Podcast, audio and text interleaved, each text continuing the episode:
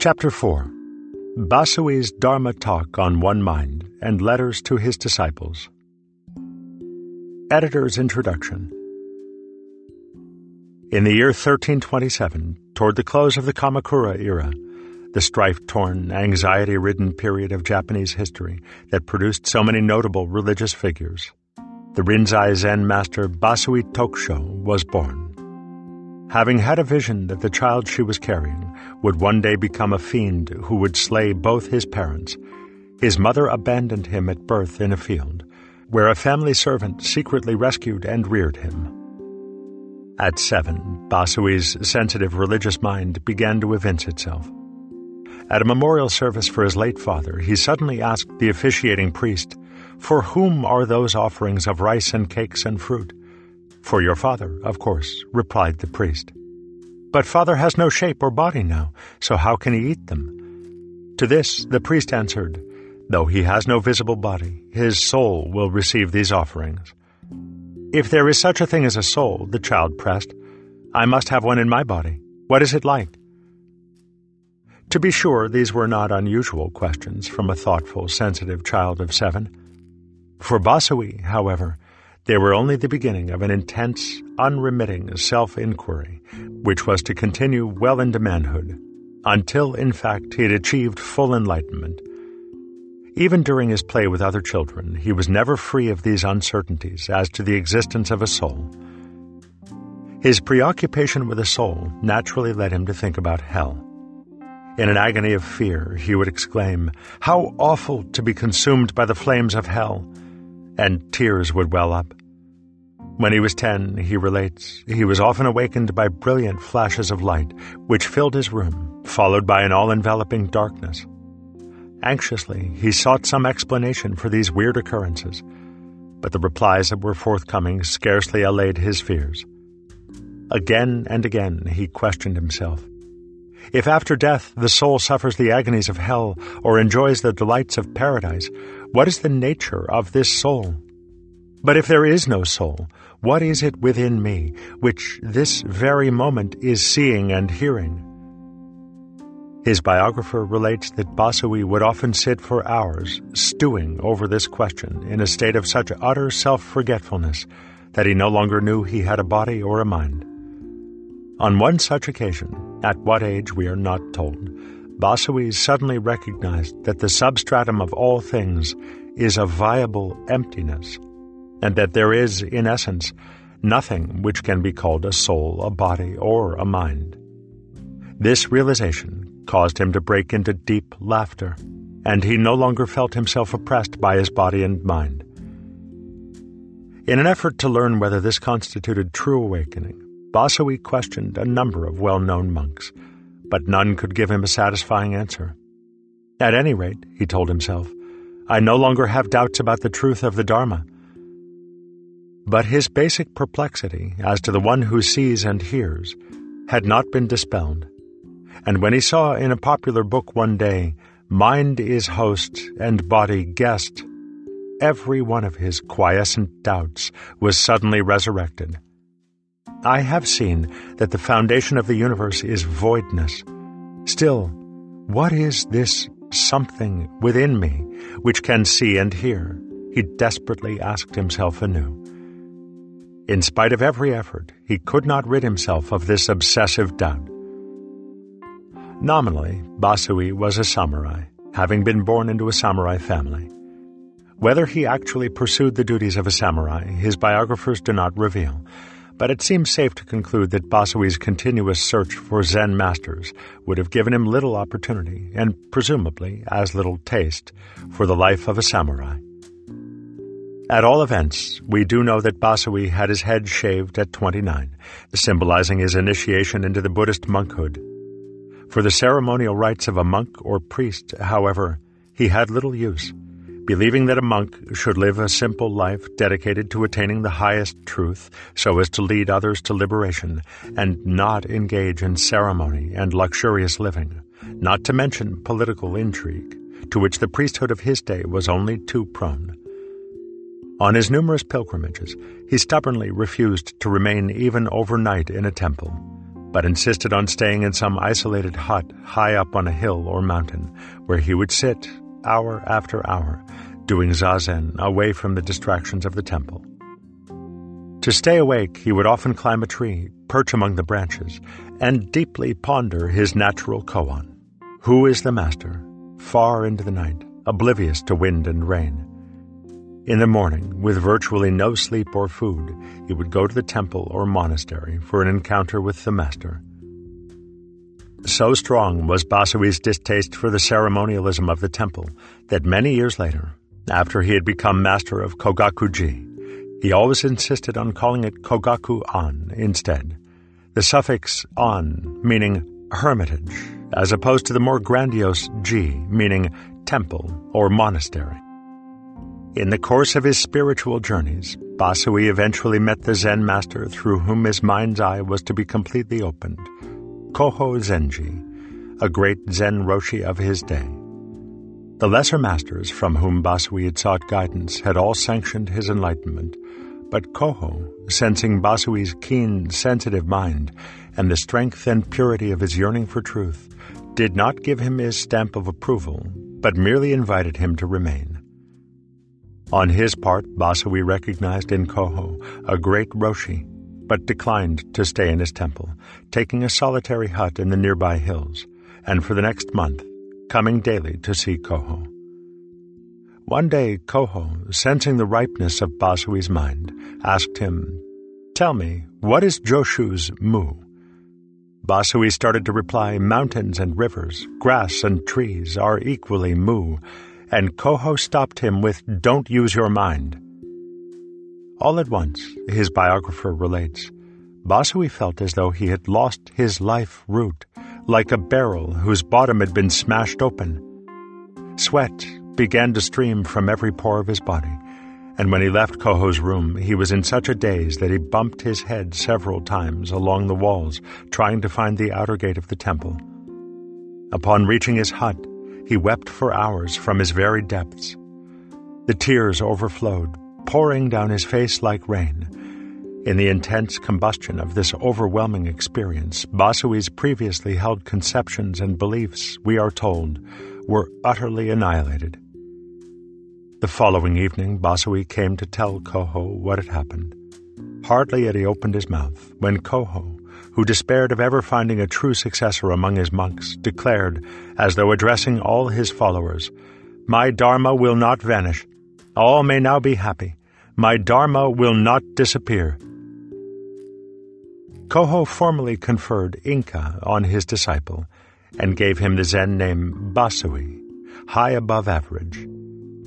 Basui remained for two months near Koho, receiving his instructions and guidance. But Basui, who had a strong and independent mind, wished to mature his profound experience through Dharma combat with accomplished masters so as to integrate his experience thoroughly into his conscious mind and into his every act, and to develop his capacity to teach others. So he left Koho and continued to live an isolated life in forests, hills, and mountains, not far from the temples of famous masters. When not engaging them in Dharma combat, he would carry on his zazen for hours at a time. Wherever he stayed, zealous aspirants quickly discovered his whereabouts and sought his guidance.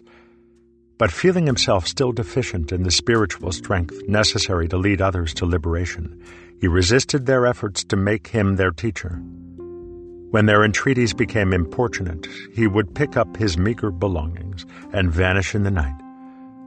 Apart from the entreaties of would be disciples, however, he deliberately curtailed his stay in any one place so as not to become attached to it. At length, now fifty, Basui built himself a deep hut in a mountain near the town of Enzan in the Yamanashi prefecture. As had happened in the past, word spread through the nearby village of the presence in the mountain of a bodhisattva, and seekers again began literally to beat a path to his hut.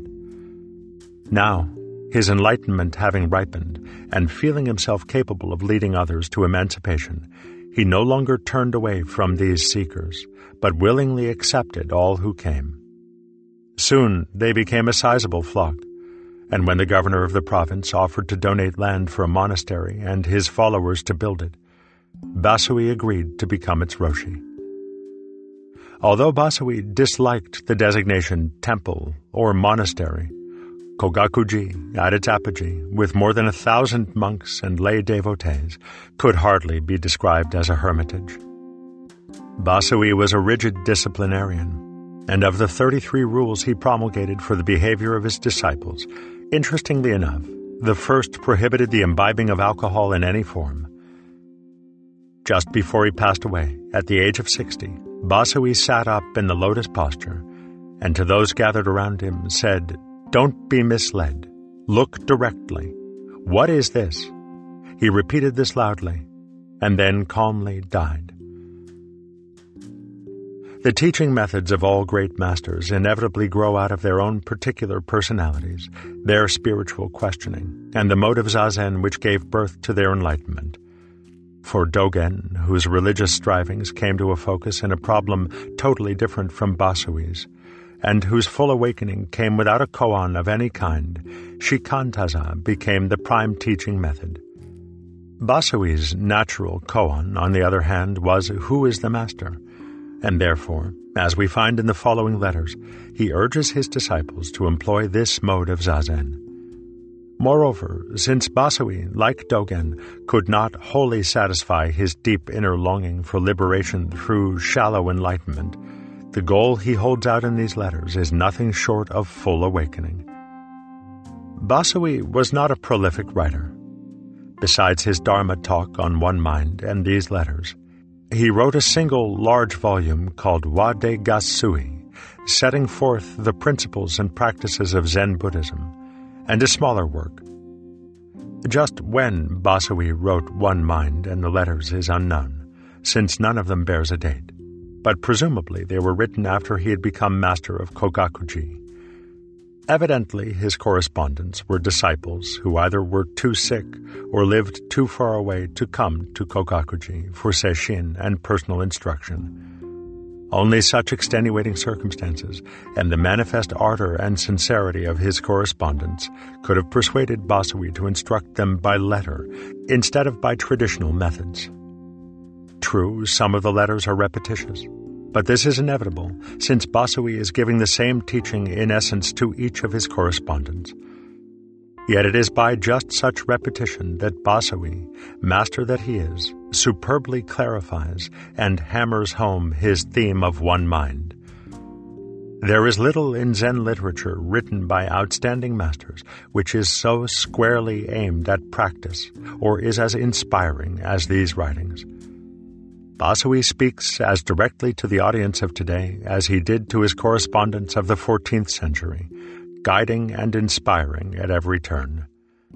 Added to this is a pungent sense of paradox, coupled with a profound simplicity which has made the Dharma talk and these letters immensely popular in Japan right down to the present day. Takusui Zenji, a well-known Zen master of the Tokugawa period, 1603 to 1868, who, like Joshu, is said to have lived to the ripe age of 120, and who himself was the writer of a number of Zen letters, warmly praised both these writings as valuable not only for devotees, but even for Zen masters. It is hoped that with this translation, the first into English, they will find equal favor with English speaking audiences eager to understand and practice Zen. The Talk if you would free yourself from the sufferings of samsara, you must learn the direct way to become a Buddha. This way is no other than the realization of your own mind. Now, what is this mind? It is the true nature of all sentient beings, that which existed before our parents were born, and hence before our own birth, and which presently exists, unchangeable and eternal. So it is called one's face before one's parents were born. This mind is intrinsically pure. When we are born, it is not newly created, and when we die, it does not perish. It has no distinction of male or female, nor has it any coloration of good or bad. It cannot be compared with anything, so it is called Buddha nature. Yet countless thoughts issue from this self nature as waves arise in the ocean or as images are reflected in a mirror. To realize your own mind, you must first of all look into the source from which thoughts flow. Sleeping and working, standing and sitting, profoundly ask yourself, what is my own mind, with an intense yearning to resolve this question. This is called training, or practice, or desire for truth, or thirst for realization. What is termed zazen is no more than looking into one's own mind. It is better to search your own mind devotedly than to memorize and recite innumerable sutras and dharani every day for countless years. Such endeavors, which are but formalities, produce some merit, but this merit expires and again, you must experience the suffering of the three evil paths. Because searching one's own mind leads ultimately to enlightenment, this practice is a prerequisite to becoming a Buddha. No matter whether you have committed either the ten evil deeds or the five deadly sins, if you turn back your mind and enlighten yourself, you are a Buddha instantly. But do not commit sins and expect to be saved by enlightenment from the effects of your own actions, for neither enlightenment nor a Buddha nor a Bodhisattva can save a person who, lost in delusion, goes down evil ways. Imagine a child sleeping next to its parents and dreaming it is being beaten or is painfully sick. The parents cannot help the child, no matter how much it suffers, for no one can enter the dreaming mind of another. If the child could awaken itself, it could be freed of this suffering automatically. In the same way, one who realizes that one's own mind is Buddha is instantly free from the sufferings arising from ignorance of the law of ceaseless change of birth and death. If Buddhas could prevent it, would they allow even one sentient being to fall into hell? Without self realization, one cannot understand such things as these. What kind of master is it that this very moment sees colors with the eyes and hears voices with the ears, that now raises the hands and moves the feet? We know these are functions of our own mind, but no one knows precisely how they are performed. It may be asserted that behind these actions there is no entity, yet it is obvious they are being performed spontaneously. Conversely, it may be maintained that these are the acts of some entity. Still, the entity is invisible. If one regards this question as unfathomable, all attempts to reason out an answer will cease, and one will be at a loss to know what to do. In this propitious state, deepen and deepen the yearning tirelessly, to the extreme. When the profound questioning penetrates to the very bottom, and that bottom is broken open, not the slightest doubt will remain that your own mind is itself Buddha, the void universe. There will then be no anxiety about life or death, no truth to search for. In a dream, you may stray and lose your way home. You ask someone to explain to you how to return, or you pray to God or Buddhas to help you, but still you can't get home. Once you rouse yourself from your dream state, however, you find that you are in your own bed and realize the only way you could have gotten home was to awaken yourself. This kind of spiritual awakening is called return to the origin or rebirth in paradise. It is the kind of inner realization that can be achieved with some training. Virtually all who like Zazen and make an effort in practice, be they lay people or monks, can experience to this degree. But even such partial awakening cannot be attained except through the practice of Zazen.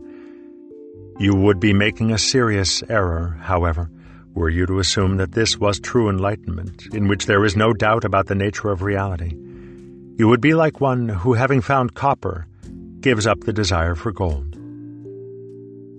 Upon such realization, question yourself even more intensely in this wise My body is like a phantom, like bubbles on a stream. My mind, looking into itself, is as formless as empty space. Yet somewhere within sounds are perceived. Who is hearing? Should you question yourself in this wise with profound absorption, never slackening the intensity of your effort, your rational mind eventually will exhaust itself, and only questioning at the deepest level will remain. Finally, you will lose awareness of your own body. Your long held conceptions and notions will perish after absolute questioning, in the way that every drop of water vanishes from a tub broken open at the bottom, and perfect enlightenment will follow like flowers suddenly blooming on withered trees. With such realization, you achieve true emancipation. But even now, repeatedly cast off what has been realized, turning back to the subject that realizes, that is, to the root bottom, and resolutely go on. Your self nature will then grow brighter and more transparent as your delusive feelings perish, like a gem gaining luster under repeated polishing, until at last it positively illumines the entire universe. Don't doubt this. Should your yearning be too weak to lead you to this state in your present lifetime, you will undoubtedly gain self realization easily in the next, provided you are still engaged in this questioning at death. Just as yesterday's work, half done, was finished easily today. In Zazen, neither despise nor cherish the thoughts that arise. Only search your own mind, the very source of these thoughts. You must understand that anything appearing in your consciousness or seen by your eyes is an illusion of no enduring reality. Hence, you should neither fear nor be fascinated by such phenomena. If you keep your mind as empty as space, unstained by extraneous matters, no evil spirits can disturb you, even on your deathbed. While engaged in zazen, however, keep none of this counsel in mind. You must only become the question, what is this mind, or what is it that hears these sounds? When you realize this mind, you will know that it is the very source of all Buddhas and sentient beings. The Bodhisattva Kannon, Avalokiteshvara, is so called because he attained enlightenment by perceiving, that is, grasping the source of, the sounds of the world around him. At work, at rest, never stop trying to realize who it is that hears. Even though your questioning penetrates the unconscious, you won't find the one who hears, and all your efforts will come to naught. Yet sounds can be heard, so question yourself to an even profounder level. At last, every vestige of self awareness will disappear, and you will feel like a cloudless sky. Within yourself, you will find no I, nor will you discover anyone who hears. This mind is like the void, yet it hasn't a single spot that can be called empty. Do not mistake this state for self realization, but continue to ask yourself even more intensely now who is it that hears? If you bore and bore into this question, oblivious to anything else, even this feeling of voidness will vanish, and you won't be aware of anything total darkness will prevail. Don't stop here, but keep asking with all your strength, what is it that hears? Only when you have completely exhausted the questioning will the question burst. Now you will feel like someone who has come back from the dead. This is true realization. You will see the Buddhas of all the universes face to face and the Dharma ancestors past and present. Test yourself with this koan. A monk asked Joshu, What is the meaning of Bodhidharma's coming to China? Joshu replied, The oak tree in the garden. Should this koan leave you with the slightest doubt, you need to resume questioning. What is it that hears? If you don't come to realization in this present life, when will you? Once you have died, you won't be able to avoid a long period of suffering in the three evil paths. What is obstructing realization? Nothing but your own half hearted desire for truth. Think of this and exert yourself to the utmost. Letters 1. To a man from Kumasaka. You ask me to write you how to practice Zen on your sick bed. Who is he that is sick? Who is he that is practicing Zen? Do you know who you are? One's whole being is Buddha nature. One's whole being is the Great Way. The substance of this way is inherently immaculate and transcends all forms. Is there any sickness in it? Your own mind is the essential substance of all Buddhas, your face before your parents' birth. It is the matter of seeing and hearing, of all the senses. One who fully realizes this is a Buddha. One who does not is an ordinary human being. Hence, all Buddhas and ancestral teachers point directly to the human mind so people can see their own self nature and thereby attain Buddhahood.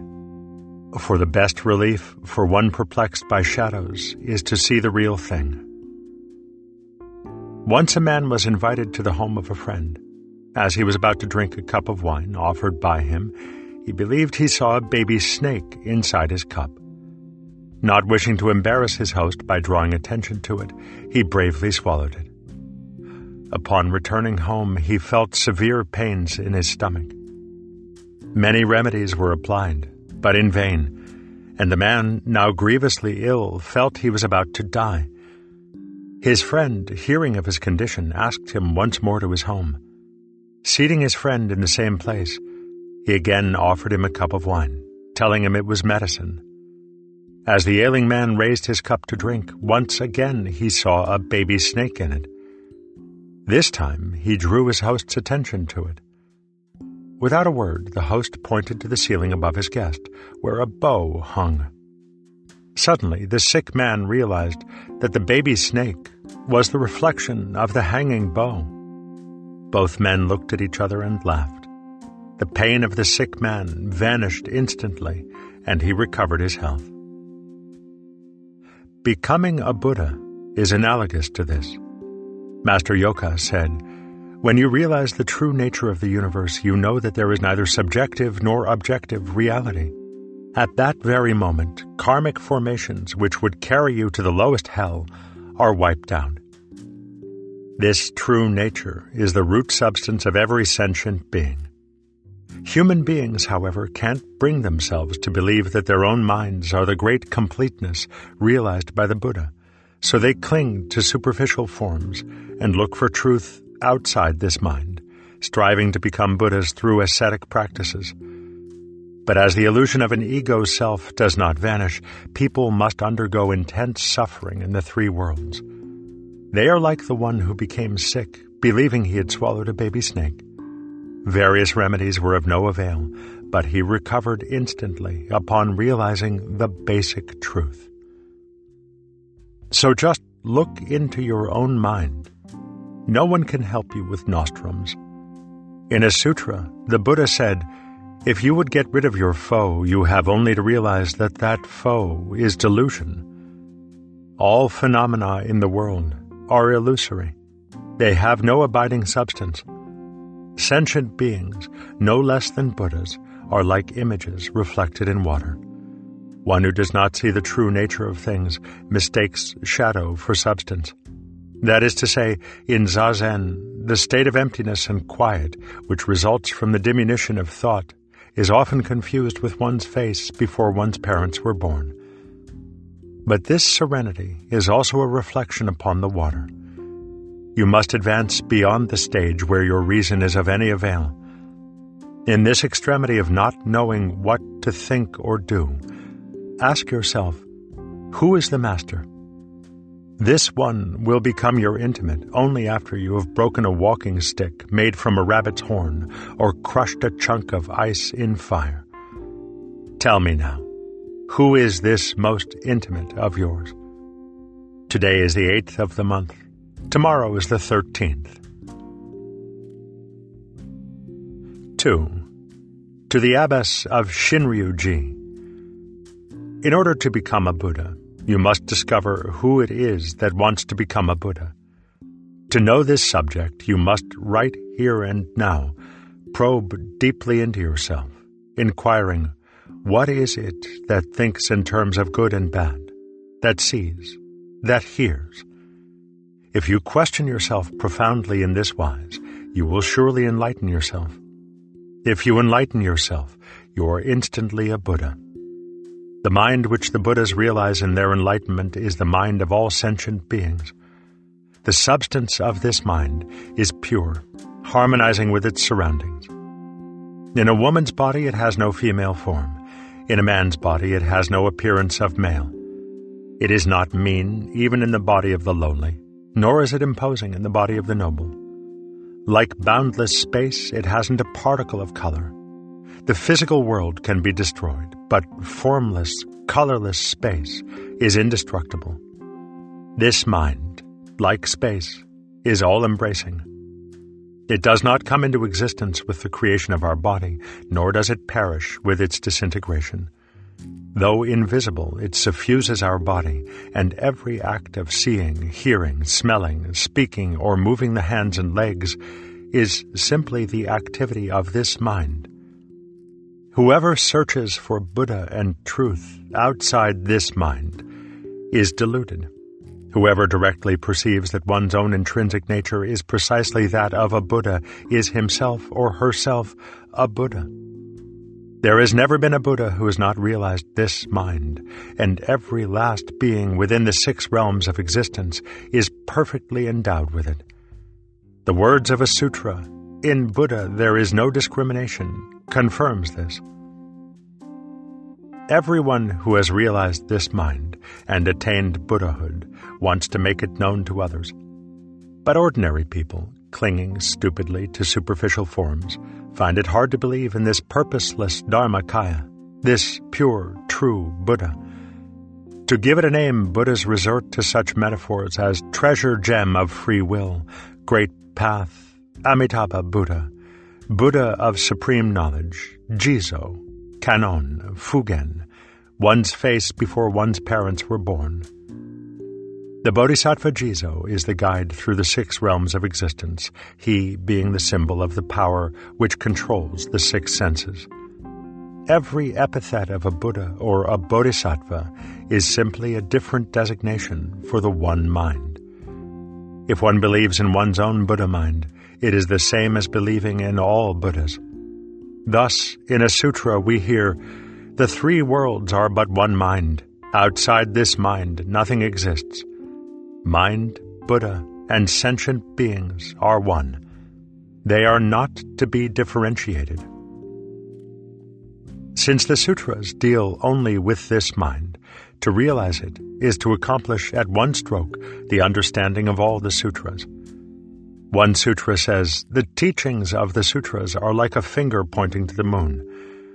These teachings are the sermons that have been preached by all the Buddhas. Pointing to the moon is pointing to the one mind of sentient beings. Just as it is said that the moon shines upon both sides of the earth, in the same way the one mind illumines the inner and outer world. When it is said, then, that great merit can be derived from reciting the sutras, this means what has just been said, and nothing more. Again, it is said that through services for the Buddha, one can attain Buddhahood, but to attain Buddhahood simply means to realize this mind. Thus, the merit of realizing this one mind in a single minded instant is infinitely greater than that of reciting the sutras for 10,000 days. Just as perceiving one's own mind in a moment of single mindedness is incomparably greater than hearing for 10,000 years why this is so. But just as one must progress from shallow to deep by degrees, so it is a blessing for beginners, either deluded or obtuse, to recite sutras enthusiastically, or to invoke the names of Buddhas. For them it is like getting onto a raft or boat as a first step. But if they do not yearn to reach the shore of realization, contenting themselves to remain forever on the raft, they only deceive themselves. Shakyamuni Buddha underwent many austerities, yet failed to attain Buddhahood. After this, he did zazen for six years, giving up everything else, and at last realized this one mind. Following his perfect enlightenment, he spoke about the mind he had realized for the sake of all beings. These talks are called sutras, and are the words flowing from the realized mind of the Buddha. This mind is latent in everyone. It is the master of the six senses.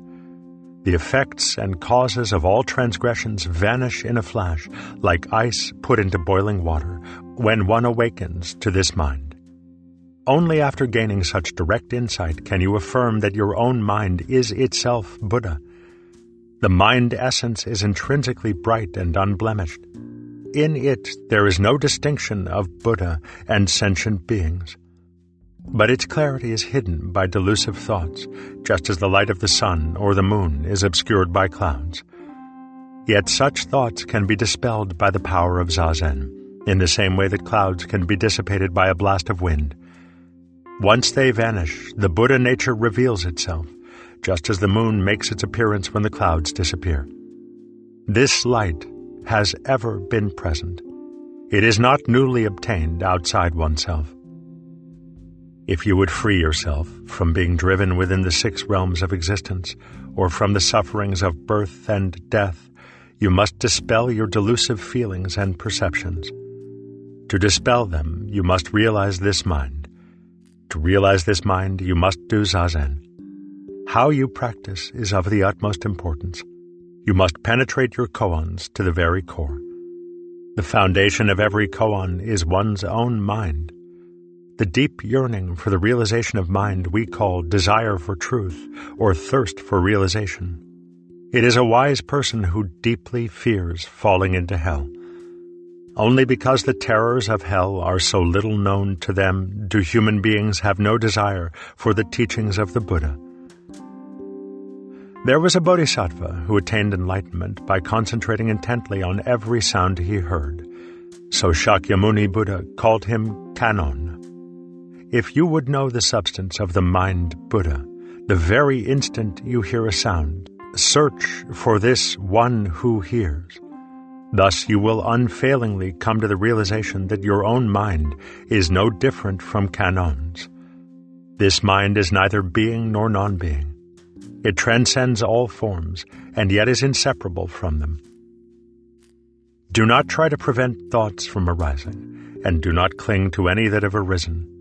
Let them appear and disappear as they will. Don't struggle with them. You need only unremittingly and with all your heart ask yourself, What is my own mind? I keep urging this because I want to bring you to self realization.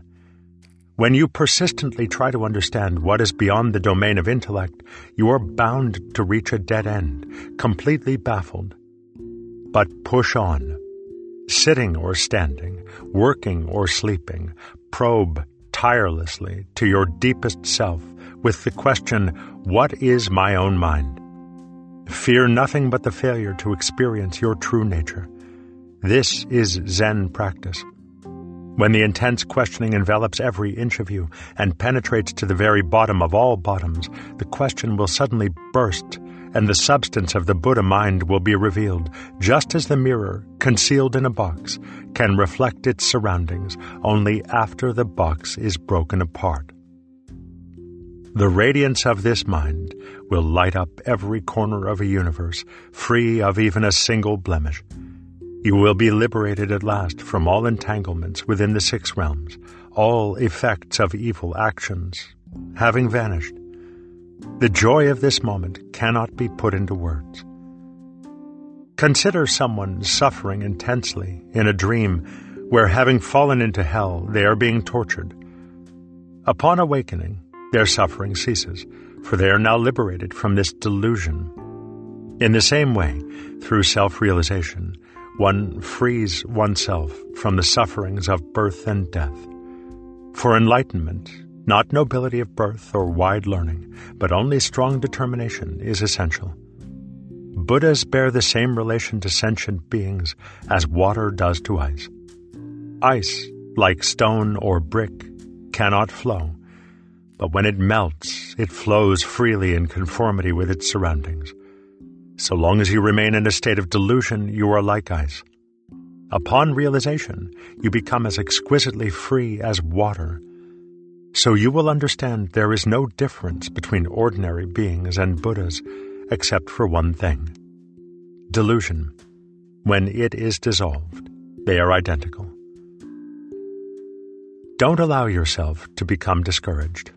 If your desire for truth is wanting, you may be unable to attain enlightenment in this life. But if you carry on your Zen practice faithfully, even while dying, you will unquestionably achieve enlightenment in your next existence. But don't dawdle. Imagine yourself on your deathbed at this very moment. What alone can help you? What alone can prevent you from falling into hell because of your transgressions? There is, fortunately, a broad path to liberation. From your very roots, ask this one question What is my Buddha mind? If you would see the substance of all Buddhas in a trice, realize your own mind. Is what I say true or false? Ask yourself this instant what is my own Buddha mind? Upon your enlightenment, the lotus will blossom in a roaring fire and endure throughout eternity. You yourself are inherently no different from the lotus. Why can't you grasp this?